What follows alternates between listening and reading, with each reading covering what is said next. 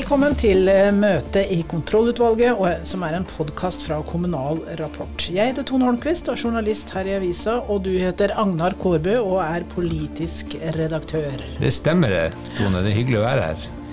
Det er alltid det, vet du. Og i dag skal vi altså ha det ekstra hyggelig. Vi skal ha en digitaliseringsspesial, Agnar. Vi skal nemlig snakke med ny digitalisering- og forvaltningsminister Karianne Oldernes Tung fra Arbeiderpartiet. Og så eh, Vi har jo mye å snakke med henne om. Det har vi, og vi skal snakke med, om digitalisering av kunstig intelligens med områdedirektør Kristin Weidemann Wieland fra KS, som arbeider med forskning, innovasjon og digitalisering. Og til slutt har vi som vanlig, eh, nå før jul, juletrenytt. Det blir juletrenytt fra Haugesund og London. Er eh, dagsorden godkjent? Vi kjører i gang.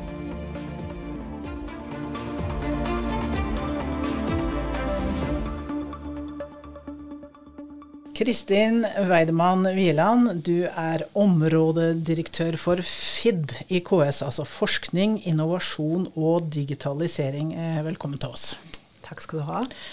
Eh, Du har sagt det at eh, KI er, den teknologien som er blitt tatt raskest i bruk noensinne. Hva betyr det? Nei, det, det du viser til, refererte jo seg til ChatGPT, som jo kom eh, i november 22 og skyllet innover landet og, veldig, eh, og verden, får vi si, og veldig raskt var tatt i bruk av 100 millioner brukere. Eh, så det er ingen teknologi som har blitt raskere tatt i bruk eh, noensinne. Digital teknologi, da. Mm. Hva er konsekvensen av det? Nei, Det betyr jo at det blir veldig raskt har blitt noe som folk flest, i hvert fall de som er noenlunde digitale, forholder seg til i hverdagen. Men det betyr jo også at alle som jobber med teknologiutvikling, veldig raskt skjønte at dette er noe vi må se på hvordan vi skal utnytte vår egen utvikling. Så er det viktig å si at ChatGPT og såkalt generativ KI, da, som det kalles KI, altså forkortes for kunstig intelligens. Noen ganger bruker man AI-begrepet, det er jo litt forvirrende det òg. Men det er jo bare en, en gren av kunstig intelligens. Hva er eh, kunstig intelligens? Det er en rask definisjon på det. Ja, og der finnes det også mange definisjoner, sånn som det ofte gjør. Men det handler jo rett og slett om eh, systemer som eh, kan, tar imot et input, og så analyserer de det, resonnerer, og så gir de en anbefaling til Basert liksom på den, eh, de, de, de modellene de opererer etter, hva som nå skal skje.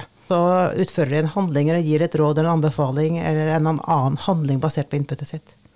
Så da opptrer de litt som mennesker. Når de Det er fordi de kan lære på bakgrunn av inputen, drive så, såkalt maskinlæring. Ja, det, men det skjer jo gjerne da uh, i Delvis skjer det underveis, men skjer også ofte i forkant. Når du utvikler disse algoritmene, så baserer du det på analyser av store datamengder. Som eh, gjør at du utvikler på en måte eh, regelsett som, eh, som når du får disse inputene senere, eh, Så så, bruker du det regelsettet til å finne ut hva gjør du nå, Ja, eller hva det kan du da bruke på saksbehandling, f.eks. Hvis du legger inn vilkår for en eller annen type sak, og, og ting, så kan man enkelt finne, finne ut hva som er sakens Ja. utfall. Og det er eksempel på én gren av KI, når du bruker ekspertise, altså sånn er reglene, og så lager du eh, KI-modeller basert på det. Du har jo også KI-modeller som bare har fått et minimumssett av regler, og så ut fra det så analyserer de store mengder data og utvikler, og utvikler modellene basert på det. Eh, Noen ganger har du kombinasjoner av eh, store analyser av store datamengder for å finne mønstre og modeller, eh, basert, og, og så validerer du det outputet. Hvordan på, vil det her påvirke kommunesektoren? KI er ikke noe nytt.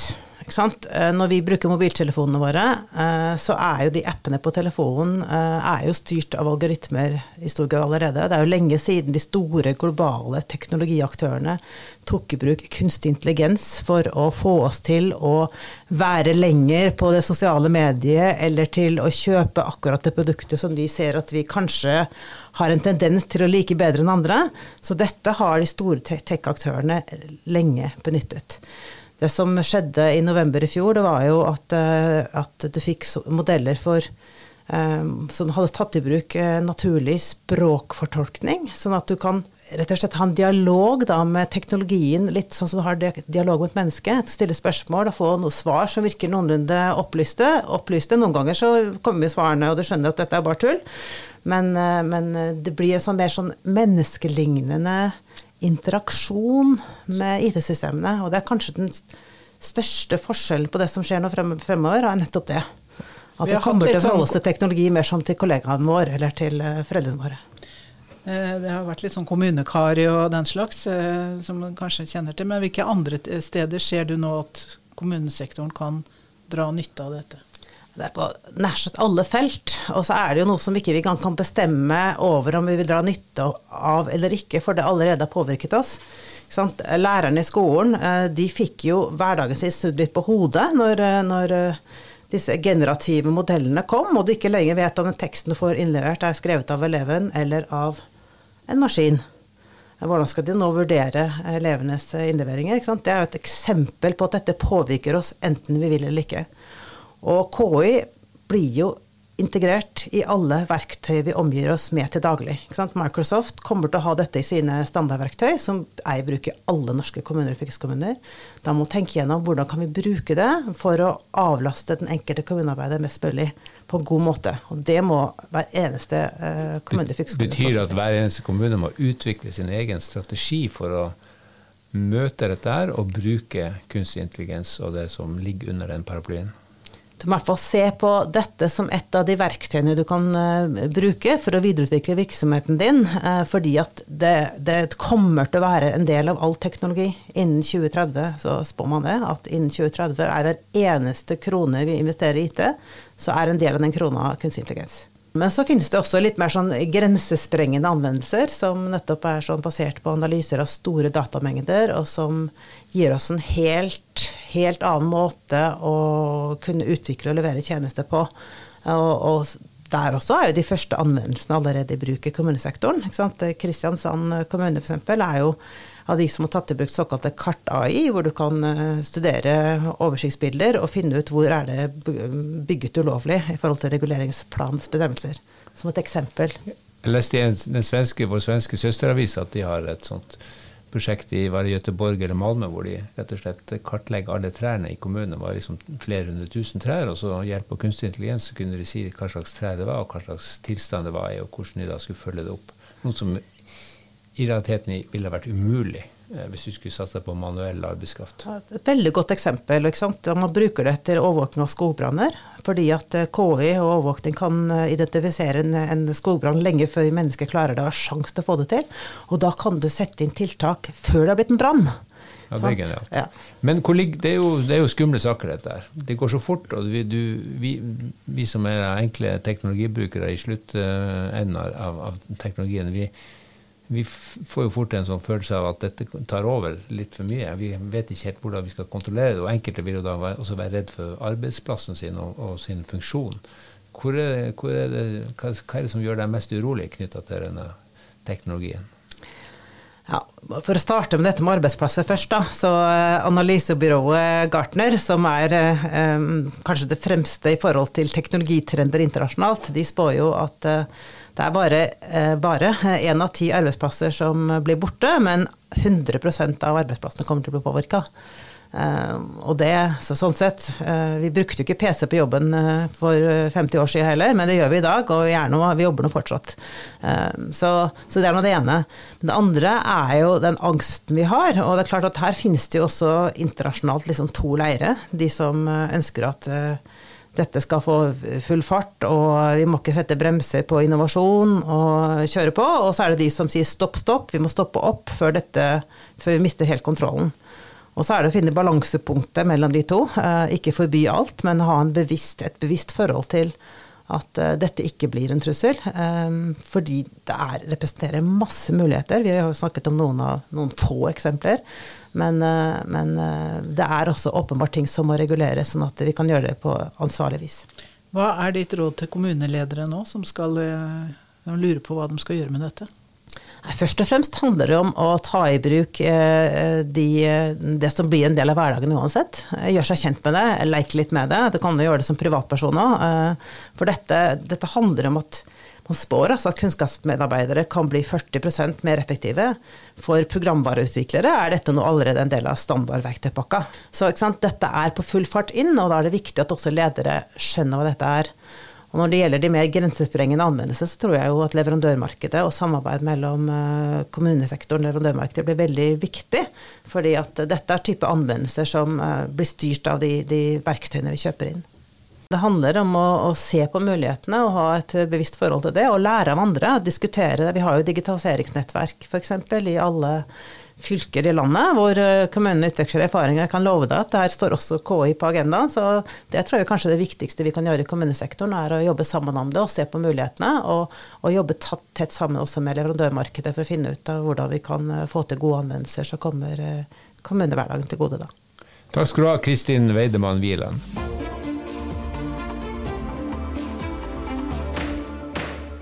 I studio i dag så har vi digitalisering- og forvaltningsminister Karianne Tung fra Arbeiderpartiet. Velkommen til oss. Tusen takk.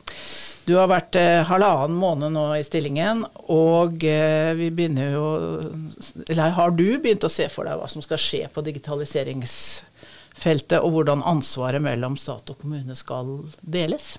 Ja, altså nå har jeg jo som du sier vært her i en og en halv måned, og noe av det vi jobber aller mest med akkurat nå, er jo deling av departementet. For det kommer jo på en måte med posten også, at man eh, skal dele Kommunal- og distriktsdepartementet inn i to departement, og få da eh, Digitaliserings- og forvaltningsdepartementet. Og det gjør man jo fordi man ser at den teknologiske utviklinga går så fort, eh, og man trenger mer samordning, eh, politisk kraft og styring av feltet. Eh, og det ser vi jo på mange måter har effekt allerede, fordi digitaliseringa får også mer oppmerksomhet da, med, det, med, det, nye departementet. Og så er det jo, som man sier, vi har jo både kommuner og stat i Norge i dag, og kommuner har jo et selvstendig ansvar i å sørge for digitaliseringa, men det skjer jo utrolig mye spennende i kommunal sektor også. Og norske kommuner er fremoverlent når det gjelder digitaliseringa også.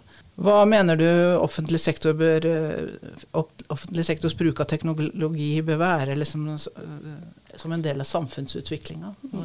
Jeg tror altså Den digitale omstillinga er tvingende nødvendig. Eh, vi står i ei tid som er veldig krevende. Selvfølgelig den utenrikspolitiske situasjonen og alt det der. Men i årene fremover så begynner det å bli velkjent at vi blir flere eldre og færre yrkesaktive par pensjonister også. Så vi, vi, kommer til å få økonomiske utfordringer i årene fremover, også i offentlig sektor.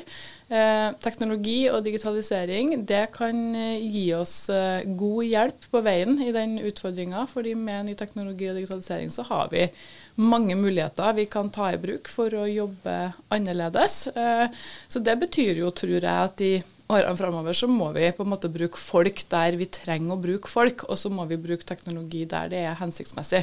Fordi vi, vi kommer ikke til å gå tom for arbeidsoppgaver. Folk kommer til å ha nok eh, jobb, men det handler mer om at vi må faktisk bruke folkene der vi trenger. Kan du gi noen eksempler på hva vi må bruke teknologi på i framtida, som vi kanskje ikke bruker på i dag? Det finnes mange eksempler både fra kommuner og fra det offentlige i dag hvor man tar i bruk, men vi ser jo For å ta kunstig intelligens, da, så der ser vi at innenfor helsesektoren så finnes det kjempestore potensialer for, for bruk av kunstig intelligens. altså på på sykehusene så brukes det på bildediagnostikk, eh, hvor du får mye raskere svar på om du faktisk har et beinbrudd eller ikke, eller man identifiserer kreftsvulster som det menneskelige øyet ikke klarer å gjøre.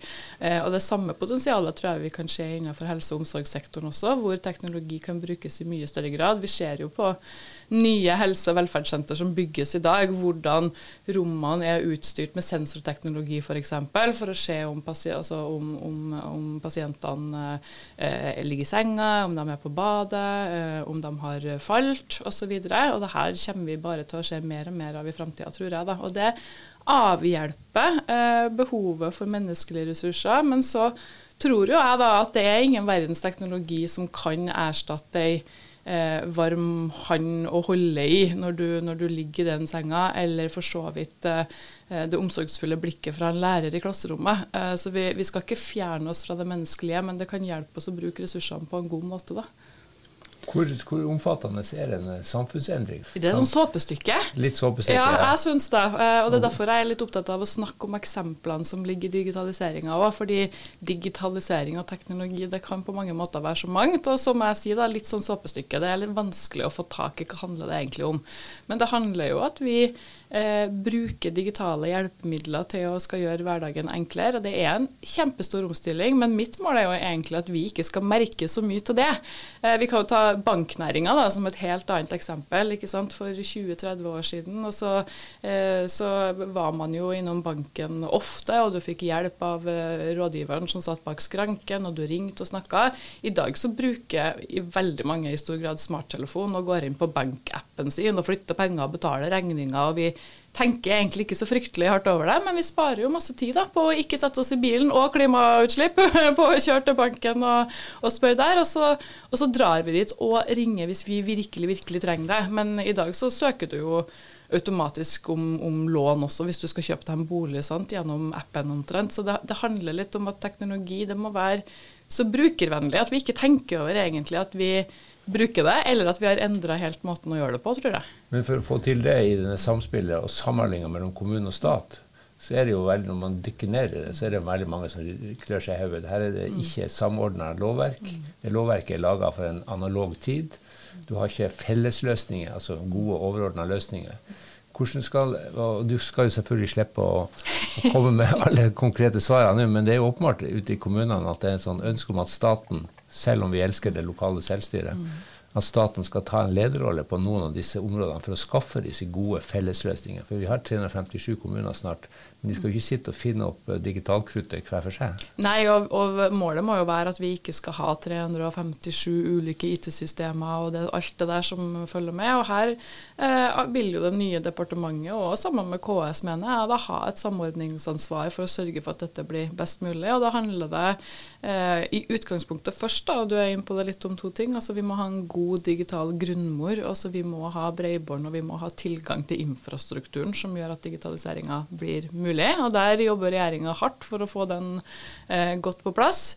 Eh, og så har vi det som eh, jeg liker å kalle byggeklossene også, da, men fellesløsninger. Altså Altinn og ID-porten. Det som egentlig muliggjør at man kan bruke disse felles plattformene og etter hvert dele data og systemer og komme seg inn. Og der eh, er det noen utfordringer. Vi, vi, holder på nå med en storstilt rehabilitering av Altinn, for å liksom prøve å si det litt forenkla. For det, Altinn er bygd på gammel teknologi og gammel plattform. Eh, og der eh, slukkes lysene, eh, egentlig om noen år. Eh, og det gjør at vi er nødt til å få bygd en ny Altinn-plattform. Det holder vi på med, og bruker mye penger på det i statsbudsjettet også.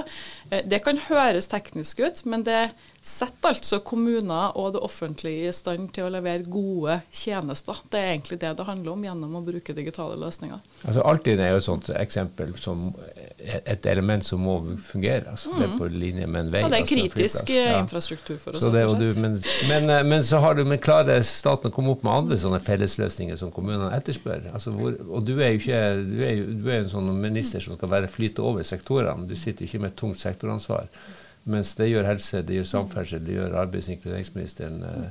Eh, andre. Hvordan skal du få disse kollegene dine til å liksom tenke her må vi jobbe sammen, mm. ikke drive med suboptimal tenking? Ja, og det er jo litt sånn før eh, jeg ble oppnevnt som digitaliserings- og forvaltningsminister også, og før vi nå har det nye departementet på plass, har jo alle statsrådene vært digitaliseringsministre. Og det er jo fordi at det er ut uh, i sektorene det også skal skje. Altså det skal skje hos kommunalministeren, som du sier, og helseministeren. Uh, det vi gjør nå med det nye departementet, er jo å styrke den samordninga. Uh, for vi så nå i i eh, statsbudsjettet eh, for neste år, så er det jo der også synliggjort nye digitaliseringstiltak på 1,6 milliarder kroner fra ni ulike departement. Og da har man sammenstilt det og sett det sammen i en felles pott for å også synliggjøre at her har justis noe, her har helse noe, altså digitalt helsekort for gravide f.eks. Det har jo vært en gjenganger i mange, mange år. Nå kommer det endelig på plass. Men det handler om å se digitaliseringa i sammenheng, sånn at man eh, prioriterer de prosjektene hvor man får eh, god gevinst. Da. Også potensielt ikke bare i egen sektor, men som andre også kan dra nytte av. Og Den jobben blir bare viktigere og viktigere å se her i sammenheng for at vi skal få det til. Kommunene, hvordan skal de møte dette her med AI? Altså, jeg har lyst til å si de skal møte med åpne armer. Mm. Uh, fordi jeg mener at det ligger veldig mange muligheter i å ta i bruk uh, AI. Uh, det ligger muligheter i å få en arbeidshverdag for kommunalt ansatte som kan være veldig annerledes. til at man faktisk har brukt mer tid på det som blir viktigst. Enten man jobber på kommunalteknisk eller man jobber i klasserommet, så finnes det ulike måter å ta i bruk AI på som, som gjør hverdagen bedre. Eh, men så er det klart at det finnes noen utfordringer med AI også. Eh, vi vet at det det utfordrer både pasientsikkerhet, det kan utfordre jobbsikkerhet. Altså har jeg en jobb i framtida? Jeg skjønner at folk stiller seg det spørsmålet. Igjen, skolen, ikke minst? Ja, ikke sant. Skolen. og der, Det er jo kanskje der vi ser en del av disse utfordringene nå, da, med store diskusjoner at uh, eh, AI fører til mer juks. ikke sant? Fordi elevene de lager uh, tekstene sine i ChatGPT, og så sender de inn, og så syns lærerne det er vanskelig å vurdere, for at det er en AI-modell som har laga teksten, og ikke eleven. Ja, det stiller kanskje noen krav til at vi må vurdere hvilke hvilke type vurderingsformer skal vi bruke i, i, skolen. Det samme diskusjonen hadde vi litt når internett kom òg. Åh, nei, nå skal elevene begynne å søke og kan finne svaret på internett og ikke i eget hode. Ja, da, da gjorde vi noen ting med det. Da lærte vi elevene i å bruke Google og Sol og alle disse søkemotorene, og så brukte man det til å snudde det til å bruke det til læring i stedet. Og Litt det samme tror jeg man kan gjøre med, med kunstig intelligens også. Man må, eh, fordi disse elevene blir jo voksen, og så skal de ut i arbeidslivet. Og det er jo ingenting bedre enn at de har lært seg å bruke kunstig intelligens når de skal ut i arbeidslivet på en, på en god og trygg måte. Når vi snakker om teknologi og digitalisering, så har vi jo en tendens til å snakke om det, det kompliserte tekniske. Og bruke grensesnitt og sånne ting. Men dette er jo en, eh, både en samfunnsendring og i, i kommunene en organisasjonsendring. Ta, og det du peker på i skolen, viser jo at du får et veldig sånn strekk i laget mellom den, de digitalt innfødte og uh, de som henger litt etter i den. Vi, hva er dine beste råd for å takle hvordan dette påvirker organisasjonen og organisasjonskulturen? Det syns jeg er et veldig godt spørsmål. fordi jeg, eh, jeg ser i noen av de tilfellene hvor det går gærent når du skal ta i bruk teknologi, det er at du bare tenker på teknologien. Eh, og ikke hvordan du skal organisere deg rundt, eller hvordan organisasjonen skal ta deg imot. Eh, jeg tror vi bare sånn i et parentes kan si litt Helseplattformen her, eh, som en sånn gjenkjennbart eksempel. Det viser at uh, man trenger tid på at organisasjonen skal forstå. Vi skal forstå hvorfor skal vi ta det i bruk, hvordan skal vi ta det i bruk, og, at det ikke nødvendigvis skjer på 1, 2, 3. Så det at man evner å se teknologi og organisasjon i sammenheng, det tror jeg er, sånn, det er et nøkkelelement for å lykkes. Og så skal man ikke kimse av at noen syns det kan være vanskelig. Eh, og det er Derfor jeg er litt sånn opptatt av at vi skal ikke eh, digitalisere for digitaliseringas skyld heller. Vi må gjøre det fordi at det skal være hensiktsmessig, og at det er brukervennlig. Du skal egentlig ikke tenke over at uh, du har endra deg. Litt sånn som når du bruker uh, bankappen din på telefonen. Da. Det, måte, det, er litt sånn første gangen uh, Å nei, nå må jeg skrive inn personnummeret mitt, og ja, hvordan gjør jeg dette? Og så har du gjort det én, to, tre ganger, og så er vips i det. Og så liksom tenker, apropos vips, så, så, tenker du liksom ikke over det heller. og litt sånn tror jeg vi må tenke når vi skal gjøre det i arbeidshverdagen vår også. Enten du står i klasserommet da, eller du, eller du sitter som byggesaksbehandler. Ehm, det må, litt, eh, det må være intuitivt og enkelt. Mange kommuner har jo opplevd å bli hacka. Hvordan skal, det, hvordan skal den sikkerheten der bli bedre? Altså Nå har vi eh, etablert såkalt, eh, altså et eh, digitalt responsteam for kommunene som har vært etterspurt veldig lenge. Det skal legges til et miljø i Trondheim sammen med helsesert-miljøet, så du også får en egen kommunesert-miljø. Det har vært etterlengta veldig lenge, og jeg er veldig glad for at jeg nå har tatt den beslutninga vi får det på plass. fordi at uh, igjen, kommunene sitter på kritisk viktig digital infrastruktur for innbyggerne sine uh, og, og, data som det er viktig å holde trygg.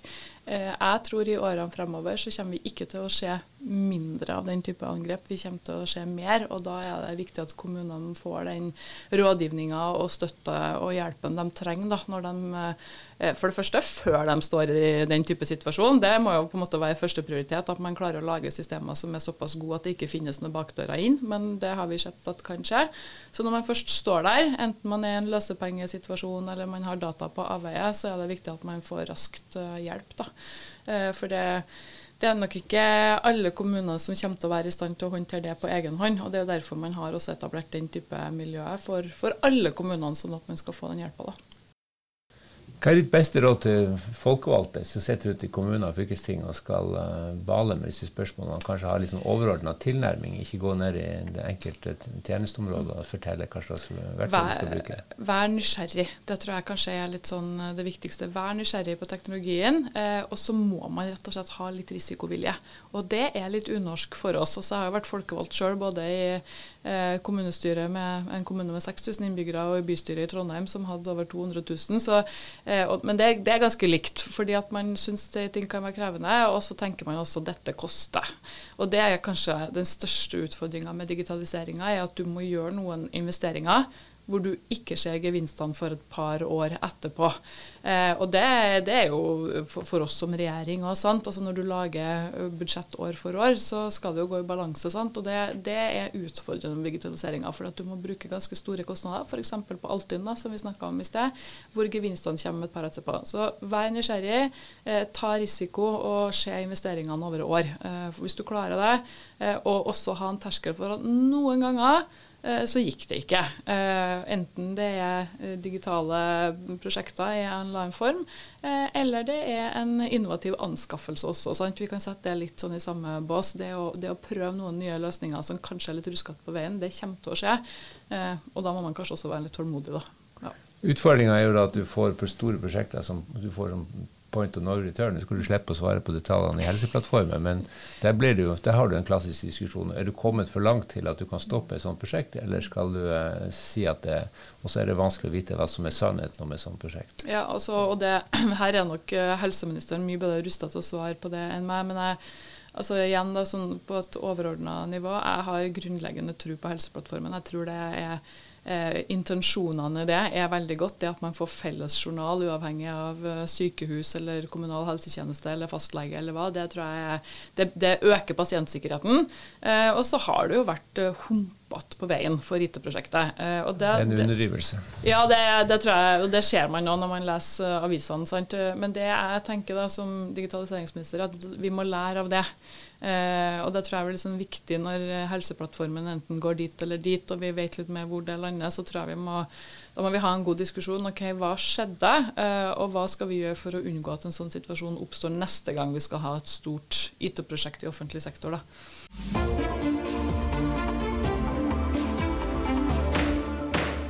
Da har vi kommet til eh, eventuelt, og som vanlig er det juletrenytt sånn før jul. Og vi skal til både Haugesund og London. Og først til eh, London. Altså Oslo sender et stort tre som de med omhu velger ut fra Osloskogen, og sender det til London som takk for innsats fra krigen. Ja, det er en gammel, lang tradisjon til å skrive seg tilbake til 40-tallet. Jeg tror vi må uh, Og så har det vært klager på det tre de ja, siste åra. Det har vært pjuskete når det har kommet fram, og i år er det også noe som ikke er helt bra. Ja, I 2022 var det veldig mye klager på det, og, man sa at det tre som var sendt som håndbagasje fra uh, med Ryanair. Og så. I år så er jo spørsmålet Det tre så ganske året ut av Meyeren i London og meieren i Oslo, altså borgermesteren og ordførerne, møttes i Sørkedal for å hjelpe til med å felle tre. Det så tre ganske årete ut, som det ofte gjør ute i skogen. Men det, det, vi, som har vært med å hogge juletre i skogen, vet at når det kommer inn i stua, så ser man at eh, kanskje det var litt eh, ikke så pent. Eh, det det som, men hva som skjer med dette svære treet under eh, transporten, vet jeg ikke. Men det treet som det Daily May har bilder av fra, som er i ferd med å reises på Trafalgar Square, det ser stusslig ut. Jeg må si meg enig i det. Det mangler greiner på ene sida. Det er begynt å bli brunt og i det hele tatt. Man kan selvfølgelig alltid montere inn noen greiner, og det er mulig at noe retter seg ut. Men det spørs om ikke om denne tradisjonen er i ferd med å gå ut. Bergenserne, som vi faste lyttere vet eh, vi har snakka om tidligere, de har jo droppa å sende et tre til Newcastle. Det spørs om ikke eh, ordføreren i Oslo rett og slett må bite i det sure uh, grantreet og kjøpe et uh, Gigantisk plasttre. plasttre så, som folk som London kan bare ha stående på lageret, så kan de sende opp. Og så får vi heller ettersende noen sånne kuler med norske flagg og litt sånn uh, tradisjonell norsk juledekorasjon, hva det måtte være. Det må være vår beste anbefaling. Da skal vi til Haugesund. Eh, der har de gjort noe lurt, syns jeg. Da. Altså, det er jo mange som sliter økonomisk i år, og kommunen gir bort juletrær som folk kan da hogge sjøl. Stiller kommunen med øks?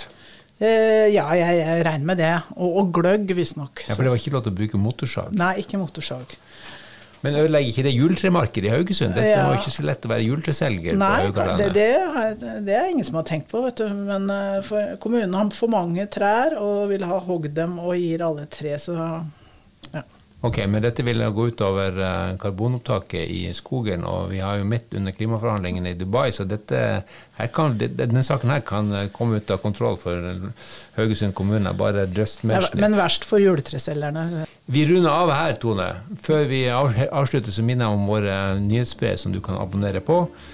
Denne sendingen var laga av Tone Holmquist og Agnar Korbe. Ansvarlig redaktør for Kommunal Rapport er Britt Sofie Hestvik. På gjenhør.